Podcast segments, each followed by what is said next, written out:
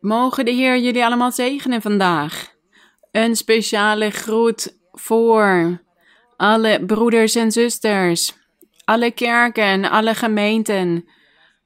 Vanaf Alaska tot aan de Patagonië, Europa, Azië, Afrika. Ook in Japan, in IJsland en op een aantal eilanden waar de kerk is begonnen. En ook in Moskou. En goed, op al die plekken heeft God gewild dat zijn naam bekend wordt. En wij verheugen ons daarover. Want wij zien de vervulling van de beloften van onze Heer.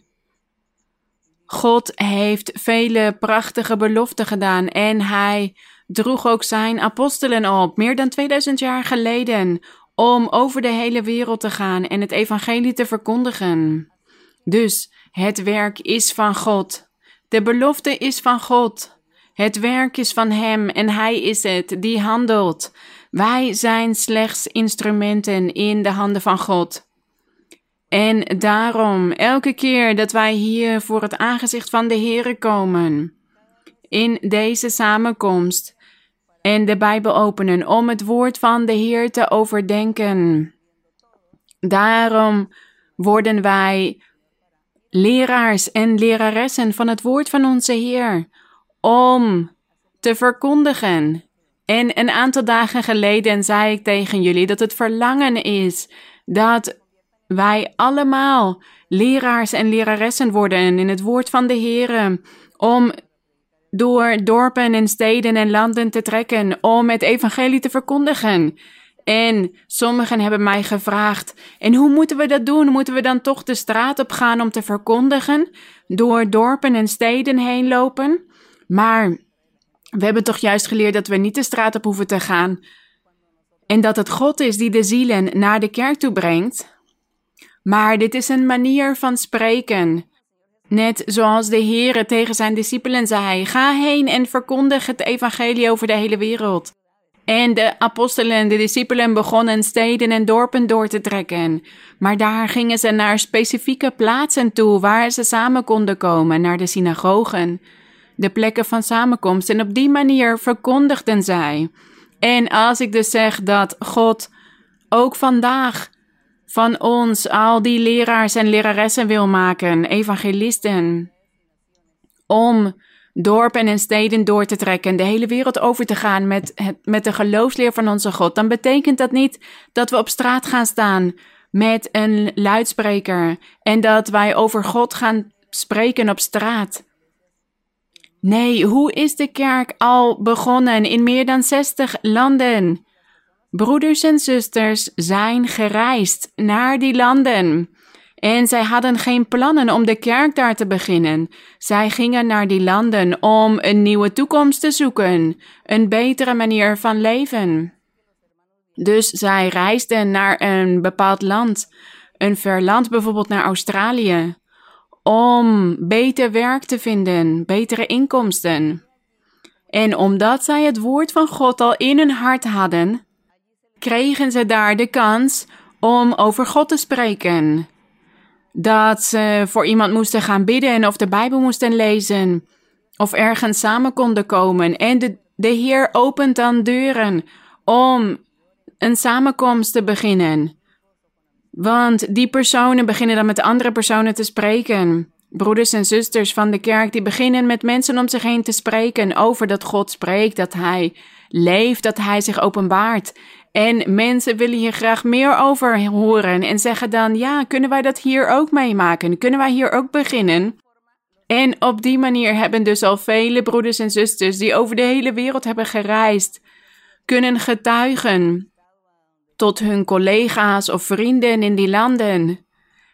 En zo zijn die samenkomsten begonnen. Ze zijn eerst in een appartement, in een woning samen gaan komen om te bidden, om de Bijbel te lezen, om te getuigen over wat God heeft gedaan in hun geboorteland. En zo begint de kerk in andere landen. En nu komt de kerk al op in vele landen, omdat de broeders en zusters reizen naar die landen en zij verdragen het niet om te zwijgen over God. Als er een kans is, dan beginnen ze te spreken over God tegen iemand, want ze zeggen: Ik mis de kerk. Ik mis om het, om het over God te hebben, om over God te spreken. En zo beginnen ze over God te spreken met de mensen. En als er dan genoeg mensen zijn, dan beginnen ze samen te komen. En zo is dus de kerk al in meer dan 60 landen begonnen. En dat is wat ons vreugde geeft. Dus wanneer ik zeg dat jullie leraars en leraressen moeten worden van het woord van God, als jullie dan de kans krijgen om te reizen naar een ander land, bijvoorbeeld om te studeren of om te werken, als u dan naar dat land toe gaat, dan bent u al voorbereid. Dan bent u klaar om daar te gaan onderwijzen. Omdat u de geloofsleer al goed kent. En u gaat dan naar dat land vanwege werk of studie, maar God staat dan toe dat u daar die woordvoerder van God wordt. Diegene die over God begint te getuigen. En zo wordt dan dit vervuld, dat wij door dorpen en steden en landen zullen trekken om het woord van God te verkondigen. Want we gaan dus niet naar een ander land alleen maar om te verkondigen. Nee, broeders en zusters gaan naar die andere landen voor iets anders, om een andere reden, maar beginnen dan over God te spreken, beginnen dan te getuigen. En zo begint dan een groep samen te komen. Maar die broeders en zusters hebben dus al dan geloofsleer in hun hart. Dat is het belangrijkste, want er zijn velen die hebben gereisd over de wereld en die klagen dan en zeggen: Ja, wat jammer, ik heb de tijd verspild, want toen ik daar in de kerk was, heb ik niet goed geluisterd naar de Bijbelstudies, naar de onderrichten en nu ben ik hier in dit nieuwe land. En mensen vragen mij over God, maar ik weet niet wat ik hen moet onderwijzen en ik ken de geloofsleer nog niet goed. Dus daarom zijn wij ons aan het voorbereiden. En waar we het vandaag over gaan hebben, de broeders en zusters kennen dit aan. Maar we gaan eerst een loflied zingen. We gaan eerst een loflied zingen met veel vreugde en blijdschap. En dan zullen wij met het onderricht van vandaag beginnen, zodat jullie dus leraars en leraressen van het woord van de Heer worden. Goed. De glorie zij aan onze God. Wij danken de Heer. U kunt allemaal plaatsnemen. Gaan zitten waar jullie zijn. En de Heer heeft vandaag weer vele zegeningen voor iedereen. Raak niet bezorgd of ontmoedigd. Voel jullie niet alleen. Want er zijn mensen die lijden veel. Maar dit is omdat we dan aan God twijfelen, aan de kracht van God. Daar horen we niet aan te twijfelen, aan de kracht van God. We horen te vertrouwen op Hem en tot Hem te bidden. Er zijn kinderen die ziek zijn, baby's die ziek zijn geboren en nu geopereerd moeten worden. En er zijn zwangere vrouwen die ook ziekten hebben of hun of de baby in hun baarmoeder en ook ouderen die ziek zijn. En jullie raken hierdoor bezorgd en wanhopig, maar het is beter om te knielen voor de Heer. Ergens in uw woning, waar u alleen bent, en bid tot God en open de Bijbel en lees een psalm.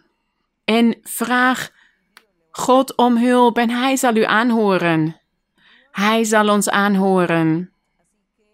Want God is barmhartigheid. Dus maak jullie geen zorgen. God heeft een oplossing voor alle problemen, voor alle behoeften. Dus bereid jullie hart voor. Heb een bereid hart, een bereidwillig hart. En sommige mensen vragen mij: wat betekent dat?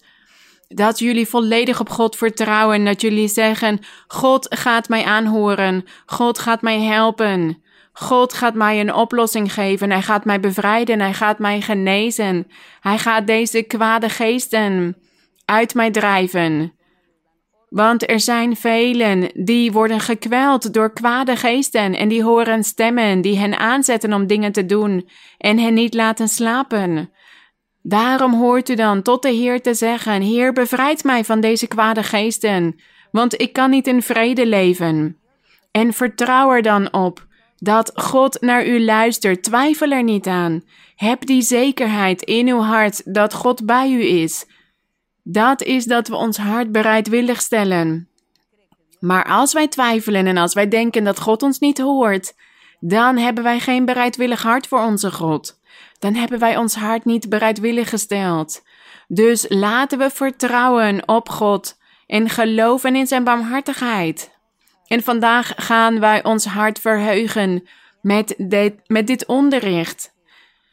En de broeders en zusters die al langer in de kerk zijn, die kennen dit al. Maar die kunnen met dit onderricht sterker worden in de geloofsleer.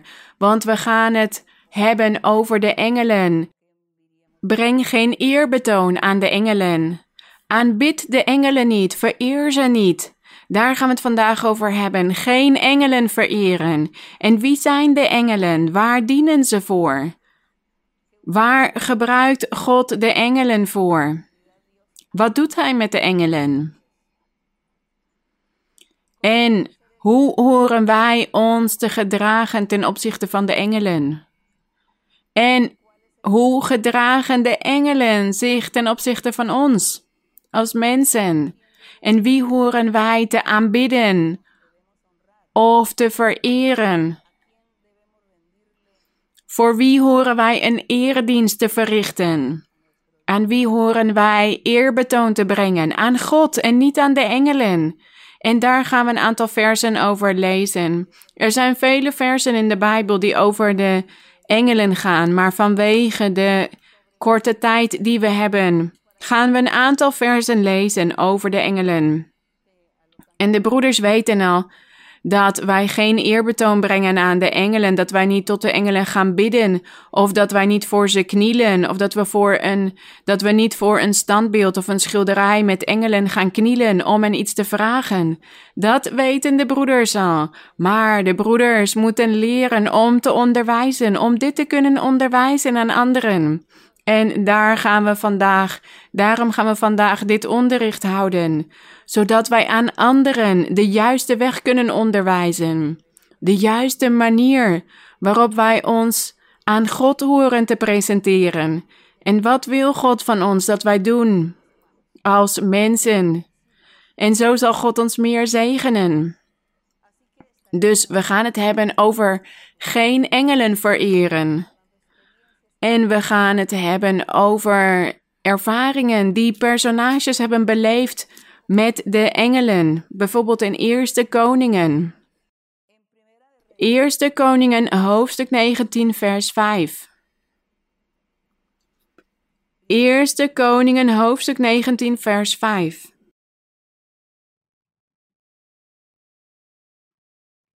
Hier gaat het over Elia. De profeet Elia. God had hem naar het volk van Israël gestuurd in die tijd. Dat koppige volk dat aan het zondigen was. En God was erg toornig geworden op het volk. En hij stuurde dus een strenge boodschap bij monden van de profeet Elia naar het volk. En de vrouw van de koning, Izebel, zij kwam erachter wat Elia had geprofeteerd: dat God zou straffen, dat God tegen en op zou staan, dat hij zo boos was geworden. En deze Izebel, deze vrouw van de koning, was hier zo boos over geworden dat zij de profeet Elia ter dood wilde brengen. Want zij vertrouwde meer op haar valse profeten, want ze waren afgodendienaars geworden. Zij aanbaden de kwade geesten demonen, doden in die tijd. En ze hadden ook hun valse profeten. En de vrouw van de koning Isabel, zij vertrouwde op die valse profeten en daarom had ze Elia gewaarschuwd. En Elia was daarom gevlucht. Hij was gevlucht uit de stad. En hij was de woestijn ingegaan en hij ging in een grot zitten en zei dat hij wilde sterven. En hij dacht: Ik ga niet meer eten, ik ga niet meer drinken, zodat ik van de honger overlijd. Want ik ben de enige ware, ware profeet die is overgebleven. En de koning, de vrouw van de koning, zij hebben alle profeten van God gedood. En ik ben de enige die over is gebleven. En nu zoeken ze mij ook om mij ter dood te brengen. En daarom was hij gevlucht en verstopte hij zich. En we lezen hier in hoofdstuk 19, vers 5, dat hij onder een bremstuik ging liggen. Maar eerst vers 4. Hij zelf, dus Elia, liep echter een dagreis de woestijn in, ging onder een bremstruik zitten en bad om te mogen sterven. Hij zei: Het is genoeg, neem nu mijn leven, heren, want ik ben niet beter dan mijn vaderen. Hij ging onder een bremstuik liggen, slapen en zie, een engel raakte hem aan en zei tegen hem: Sta op, eet. Dus Elia, hij keek op, staat hier in vers 6, en hij zag de engel en zie aan zijn hoofdeinde lag een koek, op kolen gebakken en een kruik water. Hij at en dronk en ging vervolgens weer liggen. Hij had gegeten en gedronken, want hij was er weer vergeten dat hij wilde sterven van de honger. God had dus een engel naar hem gestuurd om hem bij te staan, om hem te helpen. Want Elia was op dit moment alleen in de woestijn. Hij had een dag lang gelopen, de woestijn in, en hij ging ergens liggen om daar te overlijden. Maar omdat God een plan had met Elia, stond hij niet toe dat hij zou sterven. En daarom stuurde hij een engel naar hem toe om hem eten en drinken te brengen. Dus wij zien dat deze engel een dienaar van de Heer was. Een dienaar, een dienstknecht. Net als wanneer God een persoon zou sturen en zeggen: ga naar die persoon toe of naar die familie en geef hen eten. Breng eten naar hen, want ze, want ze hebben honger en ze hebben niks te eten. En in dit geval, omdat het in de woestijn was, daar waren geen mensen. Dus God stuurde een engel. Dat is wat de Heer hier had gedaan. Dus deze engel was een dienaar. Hij was aan het werk als een dienaar van God, een dienstknecht. Met het enige verschil dat hij geen fysiek lichaam had. Want het was een engel. En laten we nog meer lezen over de engelen. Waar dienen zij voor? Of waar gebruikt God hen voor? En zijn er vandaag de dag nog steeds engelen die God gebruikt? In Psalm 103, Psalmen, hoofdstuk 103, vers 20. Hier staat Psalmen 103, vers 20. We lezen vanaf vers 19. De Heere heeft zijn troon in de hemel gevestigd. Zijn koninkrijk heerst over alles. Hier benadrukt de Heer dat God zijn troon in de hemel heeft en dat zijn koninkrijk heerst over alle andere koninkrijken. Niet alleen over het geestelijke, maar ook over de fysieke koninkrijken, de materiële koninkrijken. En in 20, vers 20 zegt hij: Loof de Heere, of zegen God. U zijn engelen, zegt hij. Hier zegt de Heer niet: Jullie moeten de engelen loven. Jullie moeten de engelen zegenen. Jullie moeten tot de engelen bidden en hen om hulp vragen. Nee. Als wij tot een engel gaan bidden, dan verspillen wij onze tijd. Want die engel zal ons nooit aanhoren en hij zal ons niet gehoorzamen. Het is God. God is de enige die ons kan verhoren, onze gebeden. Maar God zegt hier: Loof de Heere, u zijn engelen. Sterke helden, zegt hij over de engelen. Ze zijn sterke helden die zijn woord uitvoeren. Zij voeren het woord van God uit. Gehoorzaam aan het woord dat hij spreekt. Ze zijn gehoorzaam aan de wetten van God. De engelen gehoorzamen God in alles. En we zien dus deze engelen dat zij dienaars van God zijn, dienstknechten. En hier staat dus: Loof de Heere, u zijn engelen. En in vers 21, loof de Heere al zijn legermachten, dienaren van hem, die zijn welbehagen doen. Dus het zijn dienaren, die goede engelen. We hebben het over goede engelen, engelen die goede dingen doen. We hebben het niet over die engelen die met de duivel zijn meegegaan toen hij uit de Eden werd gestuurd. Die waren in het begin ook engelen genoemd, maar ze zijn opstandig geworden en ze zijn met de duivel meegegaan. En nu zijn ze demonen geworden. Nee, over hen hebben we het niet. We hebben het over de engelen van God, de dienaren van God. En laten we naar Matthäus gaan, het Evangelie, volgens Matthäus in het Nieuwe Testament. Matthäus hoofdstuk 1. Matthäus hoofdstuk 1, vers 20. Matthäus hoofdstuk 1, vers 20. Hier gaat het over de geboorte van onze Heer Jezus Christus. En ik ga lezen vanaf vers 18. Hier staat: De geboorte van Jezus Christus was nu als volgt.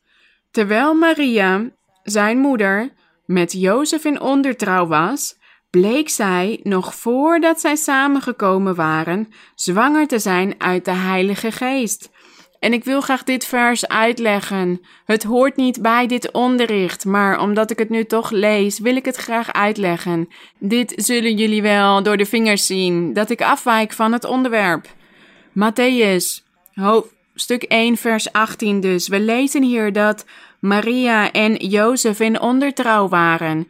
In die tijd was het de gewoonte dat ze eerst in ondertrouw waren en pas een jaar later gingen ze echt als man en vrouw samenwonen. Dan waren ze echt getrouwd. Dus hier staat dat Maria nog in ondertrouw was met Jozef. En zij waren nog niet samengekomen als man en vrouw. En toch was ze al zwanger, want hier staat dat ze zwanger was uit de Heilige Geest. Jozef, haar man, wilde haar onopgemerkt verlaten, omdat hij rechtvaardig was en haar niet in het openbaar te schande wilde maken. Want in die tijd, als de vrouw geen maagd bleek te zijn bij het trouwen, dan zou haar man haar teruggeven aan de familie. En de straf was dan dat ze gestenigd moest worden, omdat ze geen maagd meer was. En hier staat dat Jozef rechtvaardig was. En hij hield ook van Maria. En hij dacht dus: ik ga onopgemerkt weg. Ik laat haar alleen, want ik wil niet dat haar iets slechts overkomt of dat ze haar gaan stenigen.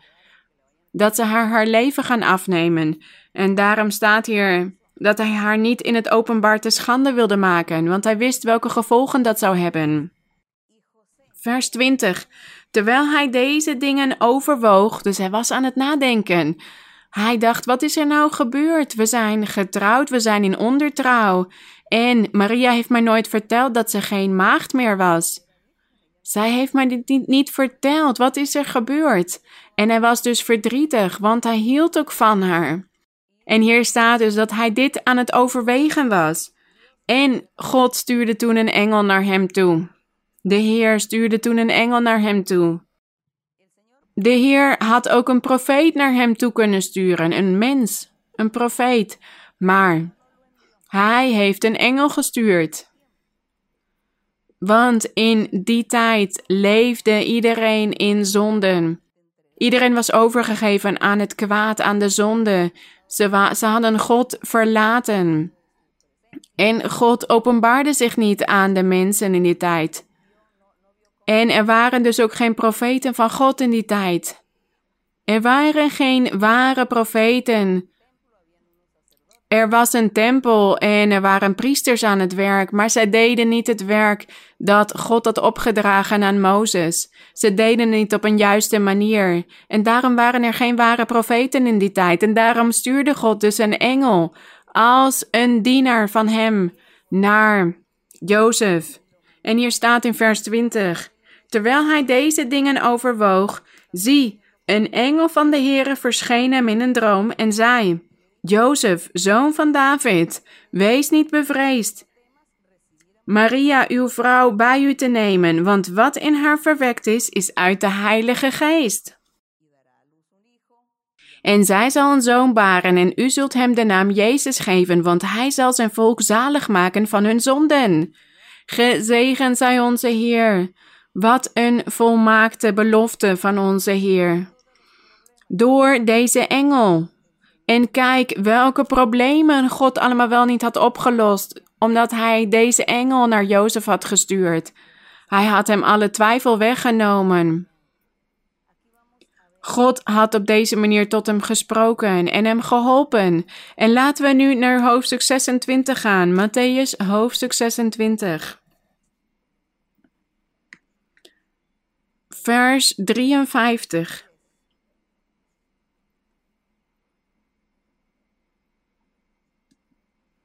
Vers 53. Hier staat, hier gaat het over dat de Heer Jezus gearresteerd werd. Hij werd gevangen genomen en hij zou ter dood gebracht worden op het kruis van Golgotha door de soldaten. En mensen bespotten hem en zij vroegen hem: U bent toch een profeet, waarom verdedigt u uzelf niet? Als u de zoon van God bent, waarom verdedigt u uzelf niet? Waarom staat u dit allemaal toe? Als u zegt dat u zoveel kracht heeft en dat u wonderen hebt verricht, wat gebeurt er nu? Waarom doet u niks? Zo spraken zij tot hem. En in vers 52 gaf de Heer Jezus hen antwoord. Hij zei tegen hem: Doe uw zwaard terug op zijn plaats. Dit was omdat de apostel Petrus met zijn zwaard het oor van de slaaf van de hoge priester had afgeslagen. En daarom zei Jezus tegen hem: Doe uw zwaard terug op zijn plaats, want allen die naar het zwaard grijpen, zullen door het zwaard omkomen. Dus hij onderwees hen dat als iemand iemand anders het leven zou afnemen door het zwaard, dat die persoon zelf ook door het zwaard zou omkomen. Vers 53. Of denkt u dat ik mijn vader nu niet kan bidden en hij zal mij meer dan twaalf legioenen engelen ter beschikking stellen? Ja, natuurlijk, dit was mogelijk. Dit was mogelijk geweest.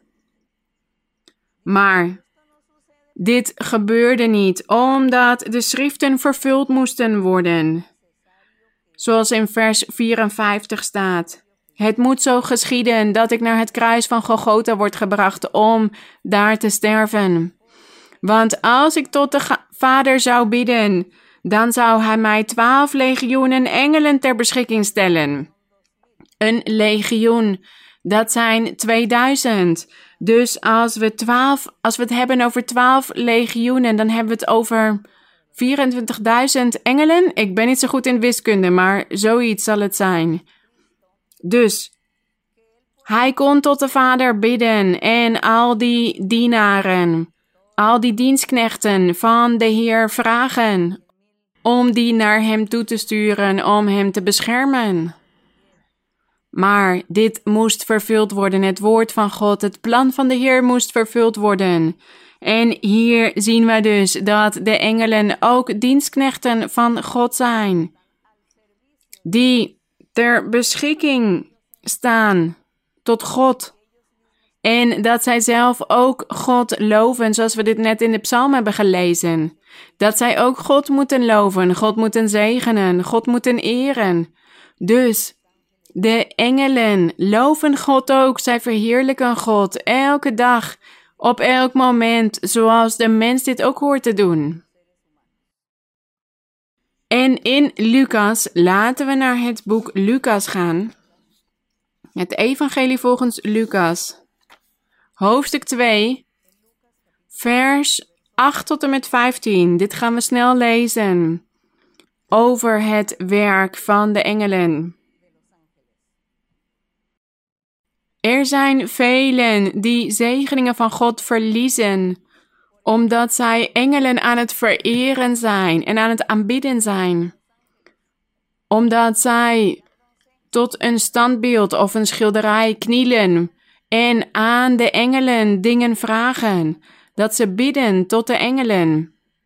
En ze denken dat dit genoeg is en dat God hen op die manier zal verhoren. Maar dat is een leugen. God luistert daar niet naar en hij wordt er juist boos over, want dit noemen we afgoderij. Dus verspil jullie tijd niet op deze manier. Bid niet tot de engelen. Zij kunnen niks voor u doen. Bid tot God, direct tot God, de schepper van de hemelen en de aarde de schepper van het heelal, die krachtige God, Vader van onze Heer Jezus Christus. Bid tot Hem, want Hij zal uw gebed wel verhoren, uw smeekbeden. En hier in Lucas hoofdstuk 2, hier lezen we meer over het werk van de engelen en dat zij ondergeschikt zijn aan de wil van onze God. En hier staat in vers 8 we hebben het hier over de geboorte van de Heer Jezus. Over het moment dat Hij ook echt geboren werd. En hier staat in vers 8: En er waren herders in diezelfde streek die zich ophielden in het open veld en s'nachts de wacht hielden over een kudde. En zie, een engel van de Heere stond bij hen, bij die herders. Een engel van de Heere stond bij hen en de heerlijkheid van de Heere omscheen hen. En zij werden zeer bevreesd. Deze herders, herders van schapen. En de engel zei tegen hen: Wees niet bevreesd, want zie, ik verkondig u grote blijdschap, die voor heel het volk wezen zal. Voor het volk in Juda Namelijk dat heden voor u in de stad van David, dit was Jeruzalem, maar in die tijd heette dat Bethlehem. Dat in die stad de zaligmaker geboren is. Hij is Christus de Heere. Dus deze engel sprak tot die herders. En hij zei tegen hen: Heden is de zaligmaker geboren. En dit is Christus de Heere. En hier staat: Dit zal voor u het teken zijn. U zult het kindje vinden in doeken gewikkeld en liggend in de kribbe. Een kribbe, dit is waar de dieren s'nachts konden slapen in een stal. Dit wordt een kribbe genoemd. En ze zouden dus het kindje vinden in doeken gewikkeld en liggend in de kribbe. En plotseling was er bij de engel, in vers 13, plotseling was er bij de engel een menigte van de hemelse legermacht, oftewel vele engelen. Vele engelen samen, een menigte van de hemelse legermacht. Dit zagen zij in dit visioen. En ze zagen dat die engelen, dat die menigte van de hemelse legermacht God loofde en zei: Eer zij aan God in de hoogste hemelen en vrede op aarde, in mensen een welbehagen. En het geschiedde toen de engelen van hen weggegaan waren naar de hemel, dus toen de herders hen niet meer zagen, dat de herders tegen elkaar zeiden: Laten wij nu naar Bethlehem gaan en dat woord zien dat er geschied is, dat de Heere ons bekendgemaakt heeft. En zij gingen dus ook echt naar Bethlehem en zij vonden het kindje liggend in de kribbe, zoals de engel hen had verteld. En daar vonden ze Maria en Jozef met het kindje. En hier zien we dus wat de engelen doen. Waar dienen zij voor? Zodat jullie niet bedrogen worden en geloven dat wanneer jullie tot engelen bidden, dat jullie dan verhoord zullen worden door God. Nee, dan zijn jullie juist, juist jullie tijd aan het verspillen, want ze hebben geen enkele kracht om goede of kwade dingen te doen. Zij zijn dienaren van God, net als wij. Wij zijn ook dienaren van God, instrumenten van God. En God kan tegen ons zeggen: Ga naar die persoon, leg hem de handen op, want hij is ziek. Of geef profetie aan die persoon. En wij doen dan dat werk, maar God is het dan die het wonder verricht. Zo is het ook met de engelen. God stuurt die engelen naar iemand toe om iets te doen, om iets uit te voeren, maar ze kunnen zelf niks doen uit eigen initiatief en ze hebben zelf geen kracht. Dus bid tot God, direct tot God, maar zeg niet tegen God: God, stuur uw engelen naar mij toe. Nee, zeg tegen God: God, ik heb u nodig. Uw zegening heb ik nodig, uw bescherming. Bescherm mij. Of help mij om werk te kunnen vinden. Ik heb geen werk, ik heb geen inkomen, ik heb vele schulden, ik heb geen geld, ik heb geen eten. Heer, help mij. U zult wel weten hoe u mij kan helpen. Of u hier nou mensen voor gebruikt of engelen. Dat is aan u, mijn Heer, hoe u mij gaat helpen. Maar ik vraag dit aan u, mijn Heer. En ik zal zien hoe u uw hand over mij uitstrekt. Dat is het. Zo respecteren wij de wil van God en zo respecteren wij de manier die God wil gebruiken om ons te zegenen. En laten we nu naar handelingen gaan. Handelingen hoofdstuk 5. Het boek Handelingen van de Apostelen hoofdstuk 5. En we hebben het over de functie of het werk of de bediening van de engelen. Handelingen 5 vers 19. Handelingen 5 vers 19. Het boek Handelingen van de Apostelen. Dit gaat over de vroege kerk, over de tijd dat de kerk van de Heer Jezus Christus net begonnen was. En toen de apostelen en de discipelen begonnen te verkondigen, en zij gingen dorpen en steden door, zij verdeelden zich over die dorpen en steden om overal het evangelie te kunnen verkondigen. En er werden zoveel wonderen verricht, zodat de Heer, zodat de mensen in de Heer zouden geloven. En zoveel manieren gebruikte God om hen te zegenen. Degenen die het woord van God ontvingen en ook degenen die het woord van God verkondigden. Die werden ook gezegend door God en geholpen door God. En hij deed het op vele verschillende manieren. En hier, Handelingen hoofdstuk 5. Hier gaat het over de apostelen Petrus en Johannes. Zij werden erg achtervolgd door de vijanden van de kerk. Want God verrichtte vele wonderen door hen. En zo zien we bijvoorbeeld in vers 16. En ook de menigte uit de steden in de omgeving kwam gezamenlijk naar Jeruzalem. Men bracht zieken en hen die door onreine geesten gekweld werden. En zij werden allen genezen door de apostelen. Vers 17. Maar de hoge priester stond op. De hoge priester was een Jood, maar het lijkt alsof hij nooit de schriften had gelezen. Dat de Heere der heerlijkheid zich zou openbaren en dat de apostelen wonderen zouden verrichten vanwege de bijstand van God. En daarom geloofden zij hier niet in en ze namen dit niet aan en ze werden juist jaloers. En daarom staat in vers 17: Maar de hoge priester stond op en allen die bij hem waren. Dit was de secte van de Sadduceeën. En zij werden vervuld met afgunst of met jaloezie. En zij sloegen hun handen aan de apostelen en zetten hen vast in de, in de openbare gevangenis. Die arme Petrus en Johannes. Maar een engel van de Heere in vers 19 opende s'nachts de deuren van de gevangenis bracht hen naar buiten en zei tegen Petrus en Johannes: Ga in de tempel staan en spreek tot het volk al de woorden van dit leven. Al de woorden van het evangelie. En Petrus en Johannes gehoorzaamden de engel en zij gingen dus naar de tempel om het goede nieuws te blijven verkondigen, dit prachtige evangelie van de Heer Jezus Christus. En wat had God dus gedaan? Hij had een engel naar hen toegestuurd.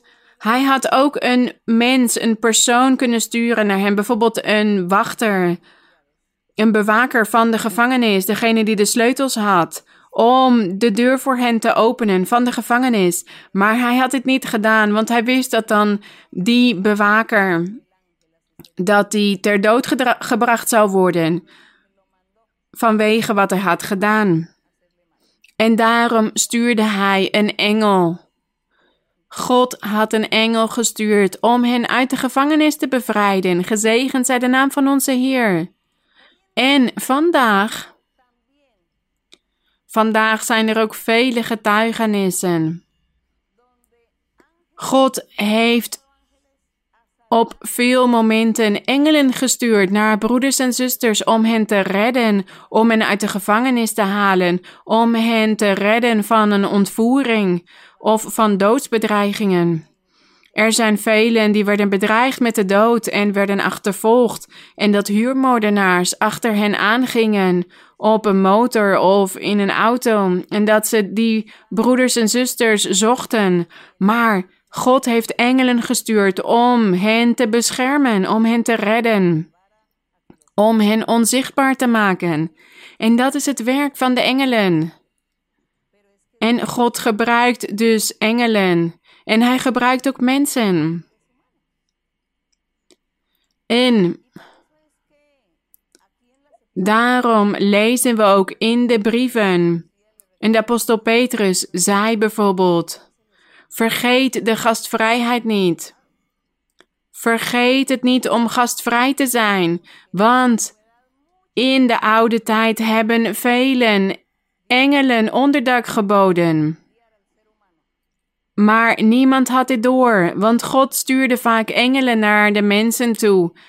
Maar zij kwamen dan in de vorm als een gewoon persoon. Dus de mensen die hen ontvingen, die zagen hen als een normaal persoon. Als ze hadden geweten dat dit engelen waren geweest, dan hadden ze hen vast beter ontvangen, nog gastvrijer. Zo heeft God dit gedaan sinds de oudheid. Hij heeft altijd engelen gebruikt om mensen te dienen. En vandaag de dag doet God hetzelfde. Maar we horen te begrijpen, en ik blijf dit herhalen in dit onderricht.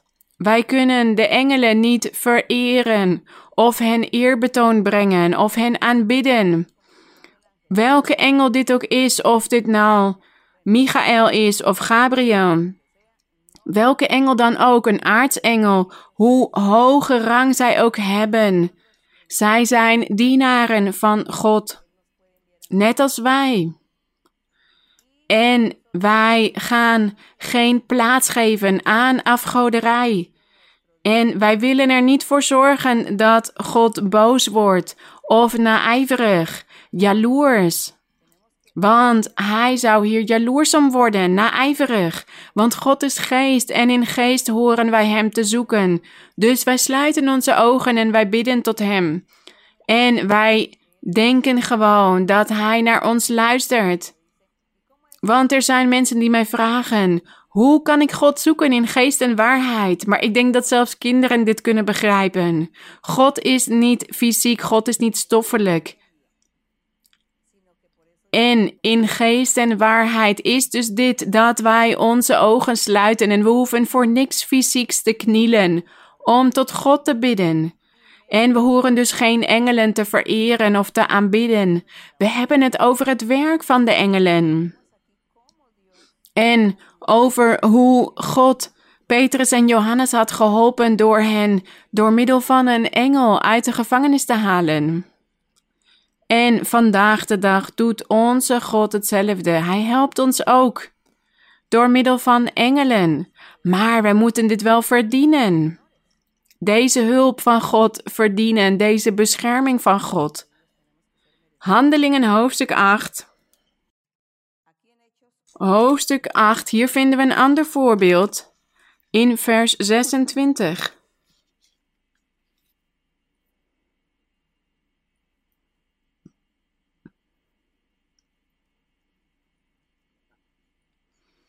Handelingen 8, vers 26. Hier gaat het over Filippus, een apostel van de Here. En hier was een engel van de Here, die verscheen aan Filippus en zei tegen hem: Sta op en ga naar het zuiden, de weg op die van Jeruzalem afdaalt naar Gaza. Die eenzaam is, die weg. In vers 26. En in vers 27 lezen we dat hij de engel gehoorzaam was. Hij stond op en vertrok. Hij was de stem gehoorzaam. En zie een Ethiopiër, een kamerheer en een machtig heer van de Kandake, de koningin van de Ethiopiërs, die heel haar schatkist beheerde en gekomen was om in Jeruzalem te aanbidden. Dus het gaat hier over die kamerheer, die ook een machtig heer was van deze koningin. Hij werkte voor haar. En deze kamerheer, die was de schriften aan het lezen. Hij was in het boek van de profeet Jesaja aan het lezen. En Filippus ging naast hem, naast hem zitten in zijn wagen. En Filippus vroeg hem: Begrijpt u ook wat u leest? En hij zei tegen hem: Nee, ik begrijp het niet. Hoe zou ik dat kunnen als niemand mij de weg wijst, als niemand mij onderwijst? En we lezen dan dat Filippus de lezing van Jesaja begon uit te leggen over de Heer Jezus Christus, over die beloften en dat de Heer Jezus Christus al was gekomen en dat zij het evangelie aan het verkondigen waren. En deze kamerheer zei dan, ik geloof erin en ik wil gedoopt worden met water, want ik geloof in dit onderricht. En we lezen dan dat hij ook gedoopt werd. En zo werd er een ziel aan het koninkrijk der hemelen toegevoegd. Maar hoe werkte God dus? Hij had een engel naar Filippus gestuurd om hem naar die kamerheer te laten gaan. Dat is dus het werk van de engelen. Ze zijn dienstknechten, ze zijn dienaren van God. God gebruikt hen voor een specifieke taak. Dus wij kunnen hen niet vereren, want dan zouden wij zelf ook vereerd moeten worden als dienaren van God. Dan zouden wij ook aanbeden moeten worden. En laten we naar Colossense gaan. Ik hoop dat jullie al in de Bijbel de pagina's hebben genummerd, de boeken hebben genummerd, zodat jullie de boeken snel kunnen vinden. Colossensen, hoofdstuk 2, vers 12.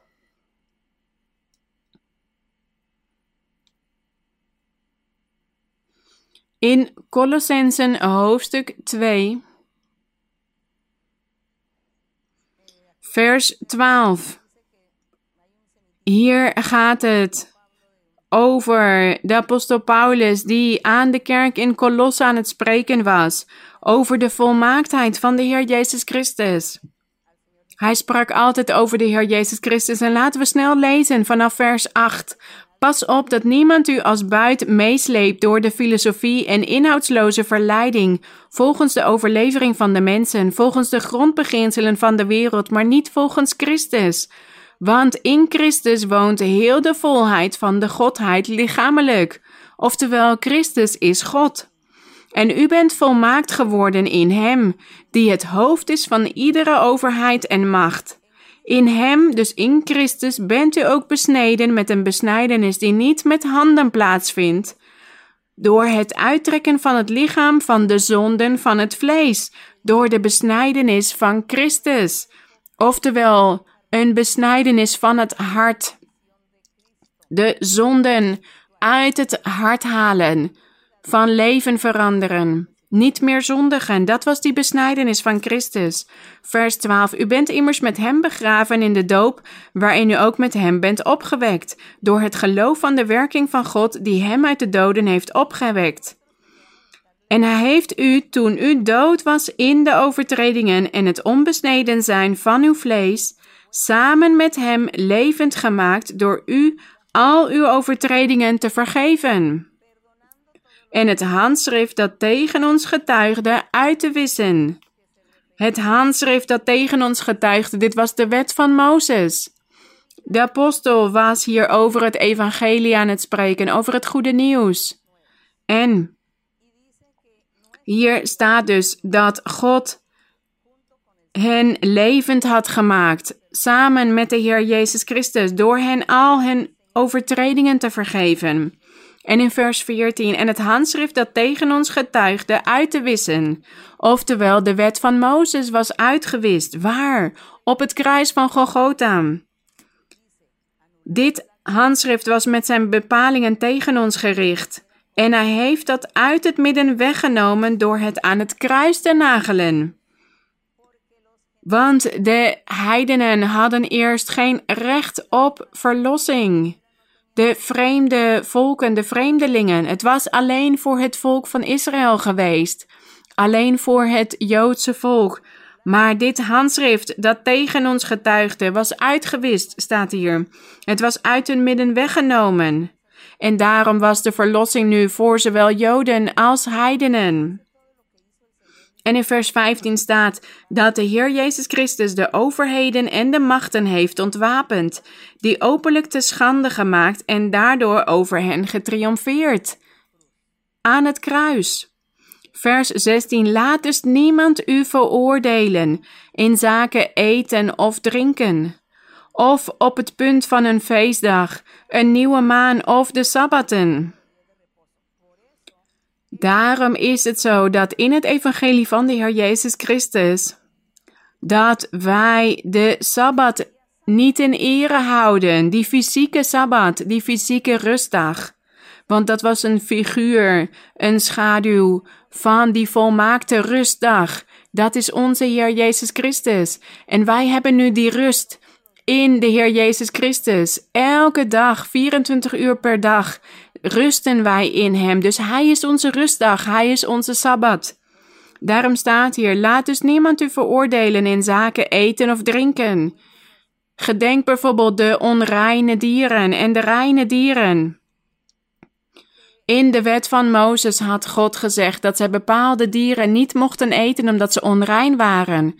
Bijvoorbeeld de haas, het varken, vissen zonder vinnen of schubben. Dit waren onreine dieren die zij niet mochten eten. Maar vanaf het moment dat de Heer Jezus Christus zich op het kruis heeft geofferd, is dit allemaal verdwenen. Is dit uitgewist, zoals we net hebben gelezen. Want die onreine dieren waren een symbool voor de zonde, voor de onreinheid van de mensheid.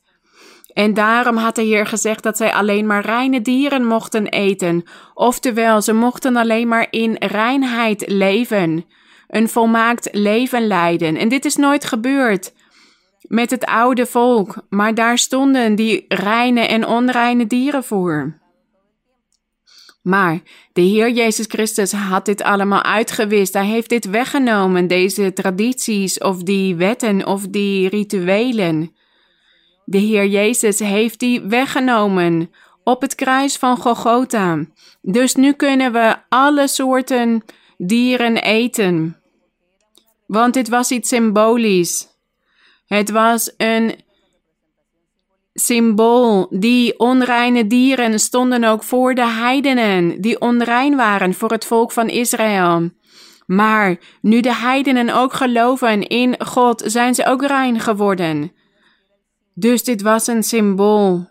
Dit was een schaduw van de toekomstige dingen, van het evangelie van de Heer Jezus Christus. En daarom staat hier: Laat dus niemand u veroordelen in zaken eten of drinken. Jullie kunnen alle dieren nu eten. Zo waren er dus bepaalde dingen die ze, waarvan ze dachten dat ze niet mochten eten of drinken. Maar hij zegt hier: Laat dus niemand u veroordelen in zaken eten of drinken, of op het punt van een feestdag, een nieuwe maan of de sabbaten, want dit was allemaal aan het kruis genageld, aan het kruis van Golgotha. Want elke dag, vandaag de dag, is het elke dag een feestdag met onze Heer. Want elke dag horen wij God te loven en te prijzen en te verheerlijken. Dus we hebben geen specifieke feestdagen meer. Het is een constante feestdag, het hele jaar door. Want de Heilige Geest woont nu in het hart van de kinderen van God. Dus het is een constant feest, een onophoudelijke feestdag. En dit, deze feestdagen, of de nieuwe maan of de sabbaten, dit was een symbool voor de aanwezigheid van God in het hart van de mensen. Van degenen die zich bekeren tot God. Daar was dit een symbool voor. Dus vandaag de dag heeft die fysieke rustdag geen waarde meer. Of de nieuwe maan of een feestdag. Het is allemaal geestelijk geworden. De Heilige Geest in het hart van de kinderen van God en dat betekent dat het elke dag een feestdag is, omdat die personen God eren en loven en prijzen elke dag weer. Vers 17. Deze zaken, dus waar we het net over hebben gehad, deze zaken, dus het eten of drinken of de feestdagen, nieuwe maan of sabbaten, deze zaken zijn een schaduw van de toekomstige dingen van de toekomstige dingen. En wie was gekomen? Wat was dit toekomstige? Het tijdperk van de Heer Jezus Christus. Maar het lichaam is van Christus. Vers 18. Laat u niet de prijs ontzeggen door iemand. Dus laat u niet de prijs ontzeggen. De prijs is het evangelie, de verlossing van de ziel de vergeving van zonden, het eeuwige leven verkrijgen. Dat is deze prijs. En laat u niet de prijs ontzeggen door iemand die behagen schept in nederigheid en engelenverering.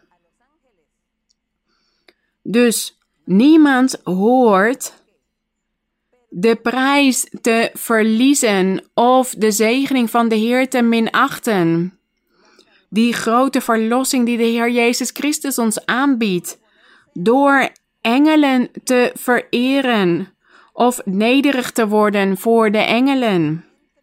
Want hier staat, die intreedt in wat hij niet gezien heeft, zonder reden gewichtig doet door zijn vleeselijk denken. Dus dit is een onwetende. Die kent de weg van God niet en de geloofsleer van God niet.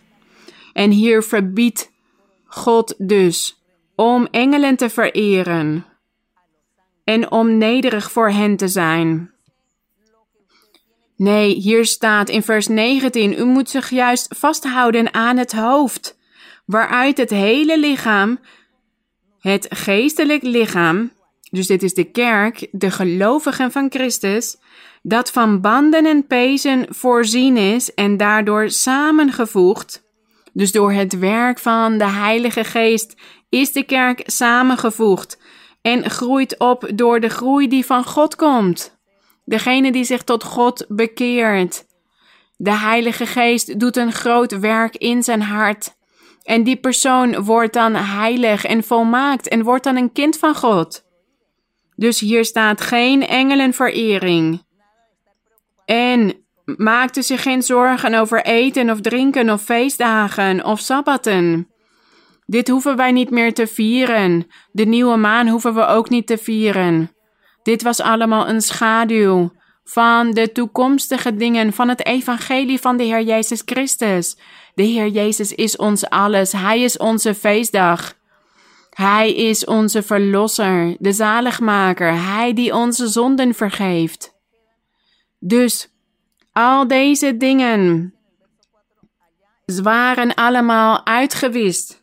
Zoals we net hebben gelezen in vers 14, dat alles was uitgewist aan het kruis van Golgotha. Dus hier staat ook dat het verboden is om engelen te vereren. En dat wij ook geen feesten hoeven te vieren, of dat wij geen offers meer hoeven te brengen, want de offers zijn wij vandaag de dag als een levend offer voor God. En wij hoeven ook geen reukwerk meer tot God te brengen, want dat zijn vandaag de dag onze gebeden en onze lofuitingen. En het altaar en de kandelaar, dat is ons hart, ons getuigenis, het licht dat wij horen te zijn voor God, wij horen te schijnen. Dus al deze dingen zijn uitgewist, staat hier. Die zijn uit ons midden weggenomen al die bepalingen van de wet van Mozes. Want de Heer Jezus was met iets nieuws gekomen, waardoor wij een nieuw mens kunnen worden. waardoor wij opnieuw geboren kunnen worden. Dus vergeet het niet. En laten we nu naar Openbaring gaan. Het boek Openbaring. En laten wij zien wat Johannes, hoe Johannes zich gedroeg ten opzichte van de engelen. Openbaring hoofdstuk 19, vers 9 en 10. Het gaat hier over het avondmaal van de bruiloft van het Lam.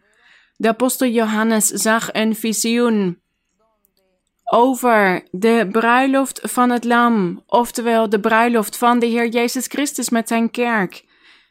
En hij zag dit visioen en in vers 9 staat: En de engel zei tegen mij: Schrijf, zalig zijn zij die geroepen zijn tot het avondmaal van de bruiloft van het Lam. En hij zei tegen mij: Dit zijn de waarachtige woorden van God. En we zien er dus dat de engel ook een boodschapper van God was. Een dienaar, een boodschapper, een bode, een dienstknecht. En hij droeg Johannes iets op om dit op te schrijven. En in vers 10, kijk wat Johannes deed. En ik viel voor zijn voeten neer om hem te aanbidden. Maar de engel zei tegen mij: Pas op dat u dat niet doet. Ik ben een mededienstknecht van u. Oftewel, ik ben een dienstknecht, net als jij. Jij bent een dienstknecht van God en ik ook, dus wij zijn mededienstknechten van elkaar. En daarom zei hij: Doe dit niet. Ga mij niet aanbidden, kniel niet voor mij neer. Ik ben een mededienstknecht van u en van uw broeders die het getuigenis van Jezus hebben. Aanbid God, staat hier. Aanbid God. Het getuigenis van Jezus is namelijk de geest van de profetie. Dus hij zegt hier dat we God moeten aanbidden. Het getuigenis van Jezus is namelijk de geest van de profetie. En om welke profetie gaat het hier? Over die profeten. Ezekiel, Mozes, Elia, Jeremia. Allen hebben zij geprofeteerd over de Heer Jezus Christus.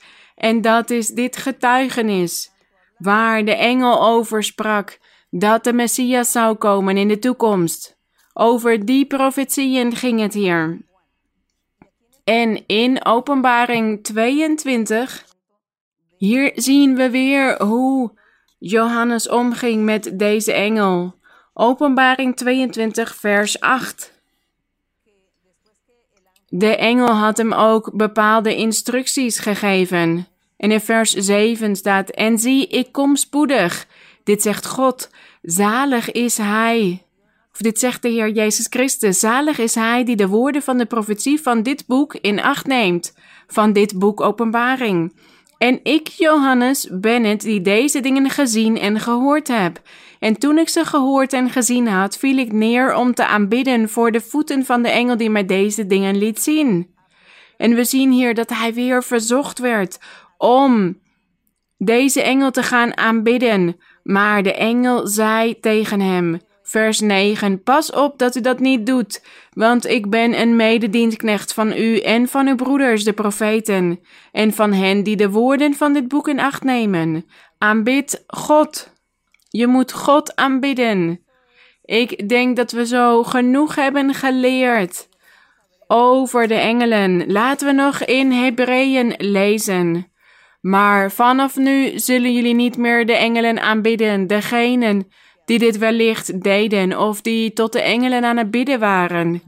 Jullie gaan dit nu niet meer doen, want jullie gaan nu direct tot God bidden. En God aanbidden. Direct tot God. En God zal dan bepalen of Hij een engel naar ons toestuurt of een mens om ons te helpen. Of dat God direct het wonder doet, op een wonderbaarlijke manier zijn barmhartigheid laat zien. Maar hier hebben we veel van geleerd, dus we horen de engelen niet te vereren, niet te aanbidden. Hebreeën hoofdstuk 1, vers 1. Nadat God voorheen vele malen en op vele wijzen tot de vaderen gesproken had door de profeten, wie waren die vaderen? Abraham, Isaac, Jacob, Samuel, David, zoveel vaderen. Dus hier staat. Voorheen had hij vele malen tot de Vader gesproken door de profeten. En nu in deze laatste dagen heeft hij tot ons gesproken door de Zoon, de Heer Jezus Christus die hij erfgenaam gemaakt heeft van alles, door wie hij ook de wereld gemaakt heeft. Hij die de afstraling van Gods heerlijkheid is en de afdruk van zijn zelfstandigheid.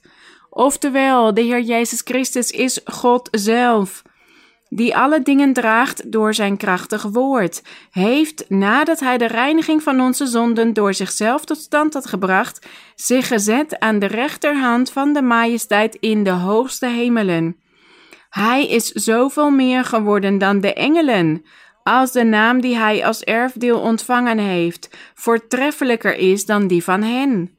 En we zien dus dat de Heer Jezus Christus als mens, dat hij voortreffelijker was dan de engelen, dat hij superieur aan hen is geweest.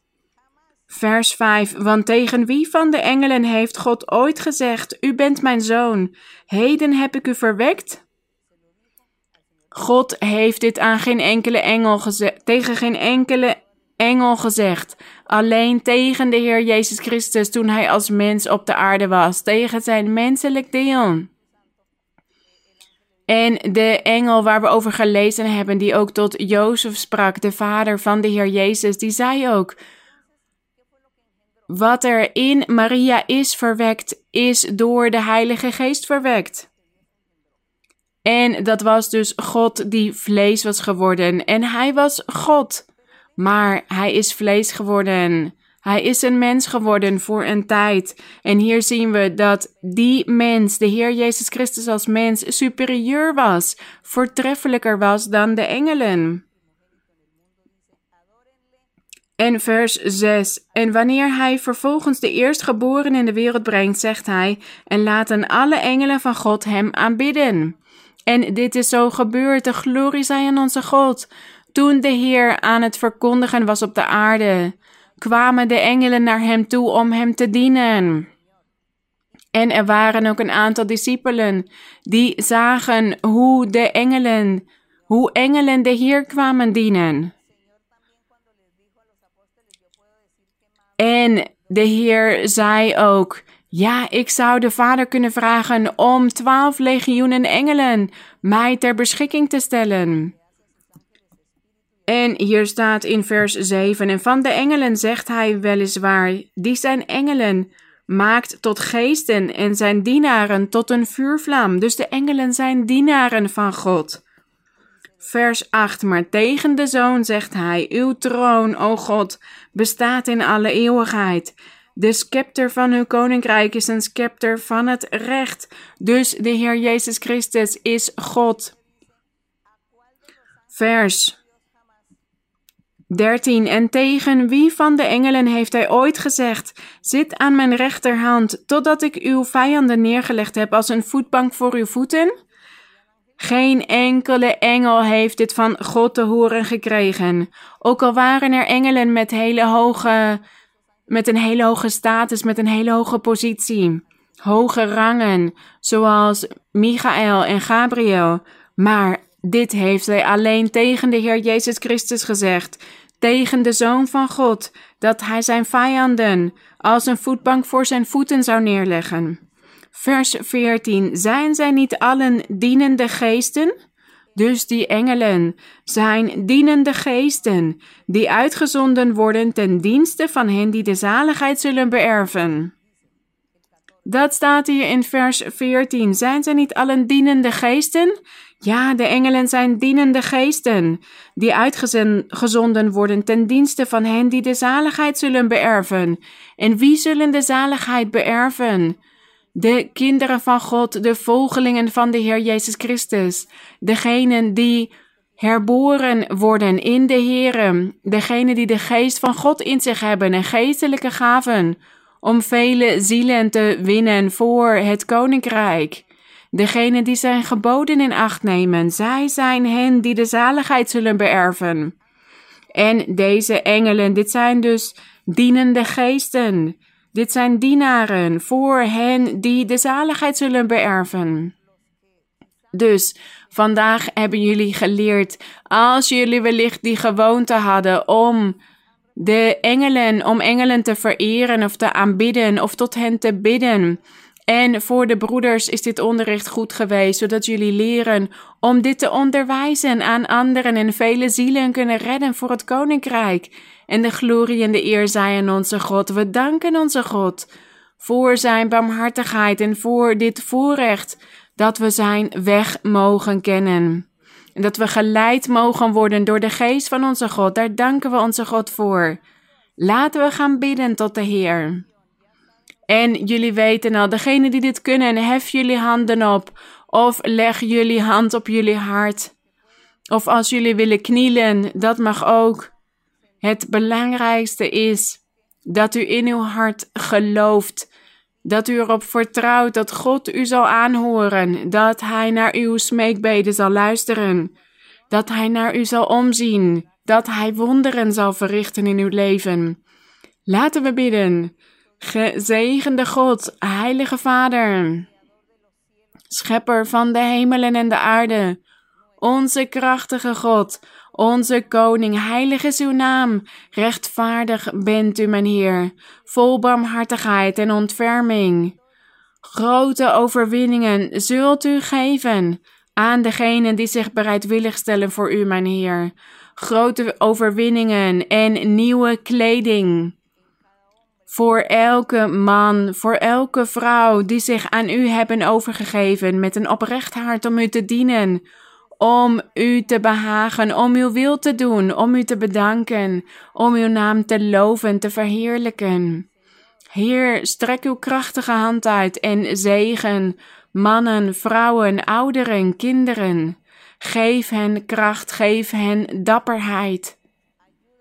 Help hen, mijn Heer, want er zijn velen die ontmoedigd raken, die zich door hun vlees laten leiden, die zich door de vijand laten leiden, door de verzoekingen, door de vallen van de duivel. Ze zijn verzwakt in het geloof, want ze hebben nog geen zekerheid in U, geen volledig vertrouwen, mijn Heer dat u die krachtige grote God bent. Heer, wees barmhartig met hen en strek uw krachtige hand uit over iedereen. Versterk hen, mijn Heer, en geef hen blijdschap en vreugde. Geef hen kennis en geloof en vertrouwen op U, mijn Heer. Dat ze op U mogen wachten, mijn Heer. Maar versterk hen, mijn Heer, versterk hen allemaal. We danken u, mijn Heer, zegen en bevrijd, mijn Heer. Strek uw krachtige, wonderbaarlijke hand uit, mijn Heer, om te bevrijden en om te zegenen. Bestraf die onreine geesten, die kwade geesten, die een resultaat zijn van alle hekserijen en tovenarijen en vervloekingen, en die velen kwellen die over het leven van velen willen heersen en hen zelfmoord willen lagen, laten plegen of vele fouten willen laten begaan. Wees barmhartig, mijn Heer, in de naam van uw Zoon, de Heer Jezus Christus uit Nazareth. Hoor onze gebeden aan, mijn Heer, verhoor ons en reinig elke ziel, elk hart, elk leven. Breek ketens en banden, mijn Heer, en geef overwinningen. Wees barmhartig en neem deze situatie weg, mijn Heer, deze pandemie. Bestraf deze onreine geesten die de hele wereld overgaan en kwaad doen, schade aanrichten. Bescherm de broeders en zusters, bewaar hen, bewaar uw kinderen, bescherm hen, want velen zijn ziek geworden van dit virus, mijn Heer. Velen zijn ziek geworden. Strek uw hand uit, mijn Heer, en genees, bewaar, bescherm. Maar ik vraag u ook, mijn Heer, om iedereen te helpen om na te denken over hun eigen leven, over wat ze hebben gedaan, goede dingen en slechte dingen. En ze hebben wellicht niet genoeg geloof gehad ze zijn wellicht ontmoedigd geraakt en daarom staat u toe dat er beproevingen zijn in hun leven en ziekten en kwaad. Maar ik vraag u, mijn Heer, om hen intelligentie te geven en wijsheid en kennis, want dat ontbreekt het ons nog, zodat wij elke situatie aankunnen in ons leven, hoe moeilijk dan ook, en dat we altijd door kunnen gaan. En dat we altijd die overwinning kunnen verkrijgen, mijn Heer. Heilige Vader, help ons en bevrijd.